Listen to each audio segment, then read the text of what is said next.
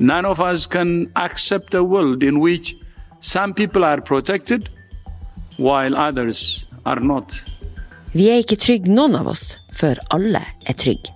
Sjefen for Verdens helseorganisasjon, Tedros Adhanom, setter fingeren på nettopp det, at alle land i verden må kjempe sammen hvis vi raskt skal finne en vaksine mot korona. Men hva skjer når noen bare vil sikre vaksiner for seg? Du hører på Verdens gang. Jeg heter Nora Torp Bjørnstad.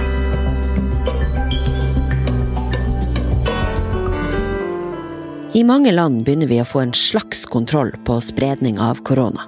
Men bakom lurer faren for nye bølger av smitte. Som sjefen for Verdens helseorganisasjon sa det, ingen er trygg før vi alle er det. Og når er det? Jo, det er når vi har en vaksine for alle. Og Gunveig Grødeland, seniorforsker ved Immunologisk institutt ved Universitetet i Oslo og vaksineutvikler. Når anslår du at en vaksine vil være klar?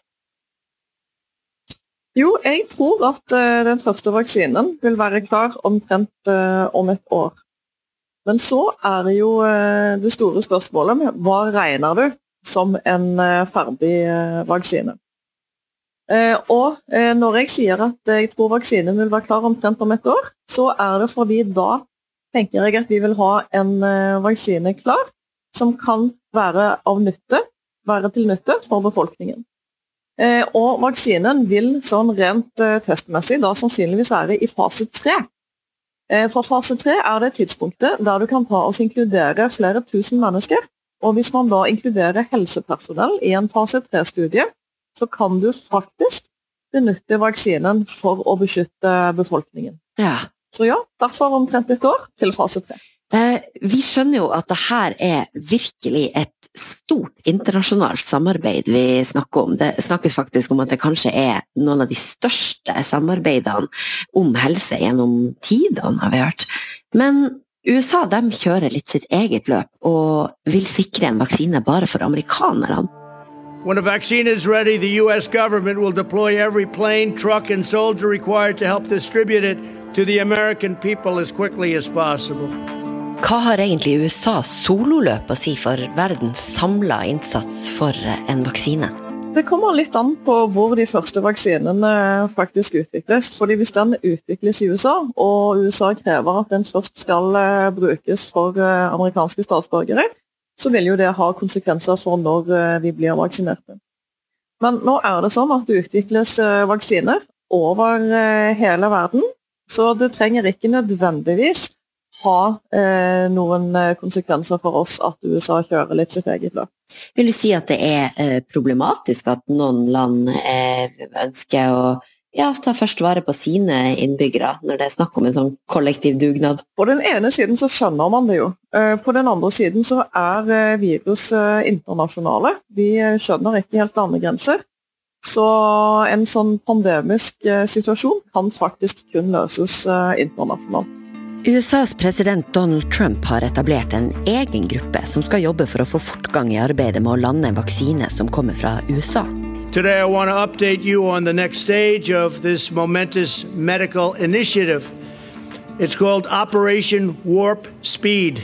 That means big and it means fast. A massive scientific, industrial, and logistical endeavor unlike anything our country has seen since the Manhattan Project – Jared Kushner, Trumps svigersønn, har jobba for å lande operasjonen. Operation Warp Speed er satt i gang. Navnet tar sin inspirasjon fra Star Trek og science fiction, og har som mål, som navnet tilsier, å skape en ferdigtesta og klar vaksine på rekordtid. You really could say that nobody's seen anything like we're doing, whether it's ventilators or testing. Nobody's seen anything like we're doing now within our country since the Second World War. Incredible. Its objective is to finish developing and then to manufacture and distribute a proven coronavirus vaccine as fast as possible. Og president Trump han har henta inn handlekraftige ledere. Forrige uke annonserte han at nøkkelroller i operasjonen tilfaller folk fra legemiddelindustrien og fra militæret. Dette er det initiativet det offisielle USA vil satse på ikke det internasjonale samarbeidet. Nå er det jo sånn at det er jo ikke kun eh, USAs Donald Trump som har sagt at uh, han ønsker en vaksine for sitt eget folk først. Det er det andre statsledere som har gjort også. Uh, hvordan påvirker det her det kappløpet som foregår i de ulike forskningsmiljøene nå? Jo, altså det gjør jo at det er en sånn politisk dimensjon der folk driver og konkurrerer om å komme først. Samtidig så er det sånn at uh, forskere er uh, forskere, og vi uh, vet at man må samarbeide. Sånn at på forskningsfronten så er det samarbeid uansett, egentlig. Og så er det jo også sånn at flere av de som finansierer vaksineutvikling, bl.a. CEPI og Bill og Melinda Gates Foundation og flere, krever at de vaksinene som utvikles, skal benyttes globalt for verdens beste. Så ja, det er litt for tidlig å konkludere ennå med hvilke utfordringer som eh, det politiske spillet vil medføre i praktisk. Vi var jo inne på det her at eh, her er det virkelig forskere som jobber på spreng over hele verden. Hvor, hvor mange forskningsmiljøer er det som nå er på god vei til å utvikle denne vaksina som nå hele verden venter på? Ja, det kommer an på hva du mener eh, med god, å være på god vei. Eh, det er jo eh, svært eh, mange som er i, eller begynner å nærme seg sterkt en klinisk utprøving, fase 1. Så kanskje rundt 100, 150 miljøer som er svært langt framme. Mm. Og så er det en del miljøer som ligger rett bak. Enda flere. Så vi snakker om en enorm forskningsinnsats i sum. Hvor, hvor vil du plassere norske forskere her, da? Du, vi ligger eh, litt uh, lenger bak. Uh, vi hos oss driver vaksineforskning i regi av universitetet. Som vil si at vi ikke har tilgjengelig de midlene som kreves for å kjøre en sånn satsing raskt og effektivt framover. Fordi det krever en del logistikk og finansiering som vi ikke har.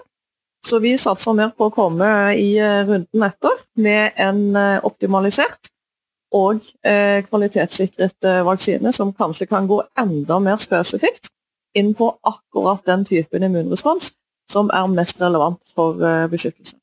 Og når vi da eh, har klar eh, koronavaksine, vil det være én vaksine som hele verden vil bruke, eller vil nettopp det her kappløpet mellom forskningsmiljøene rundt i verden gjøre at det finnes flere koronavaksiner på markedet samtidig?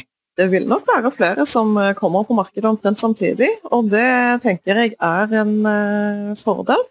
De vil sannsynligvis være litt forskjellige med tanke på hvilke proteiner fra koronaviruset de inneholder, og hvordan, eller hva slags type beskyttelse de har tenkt å indusere.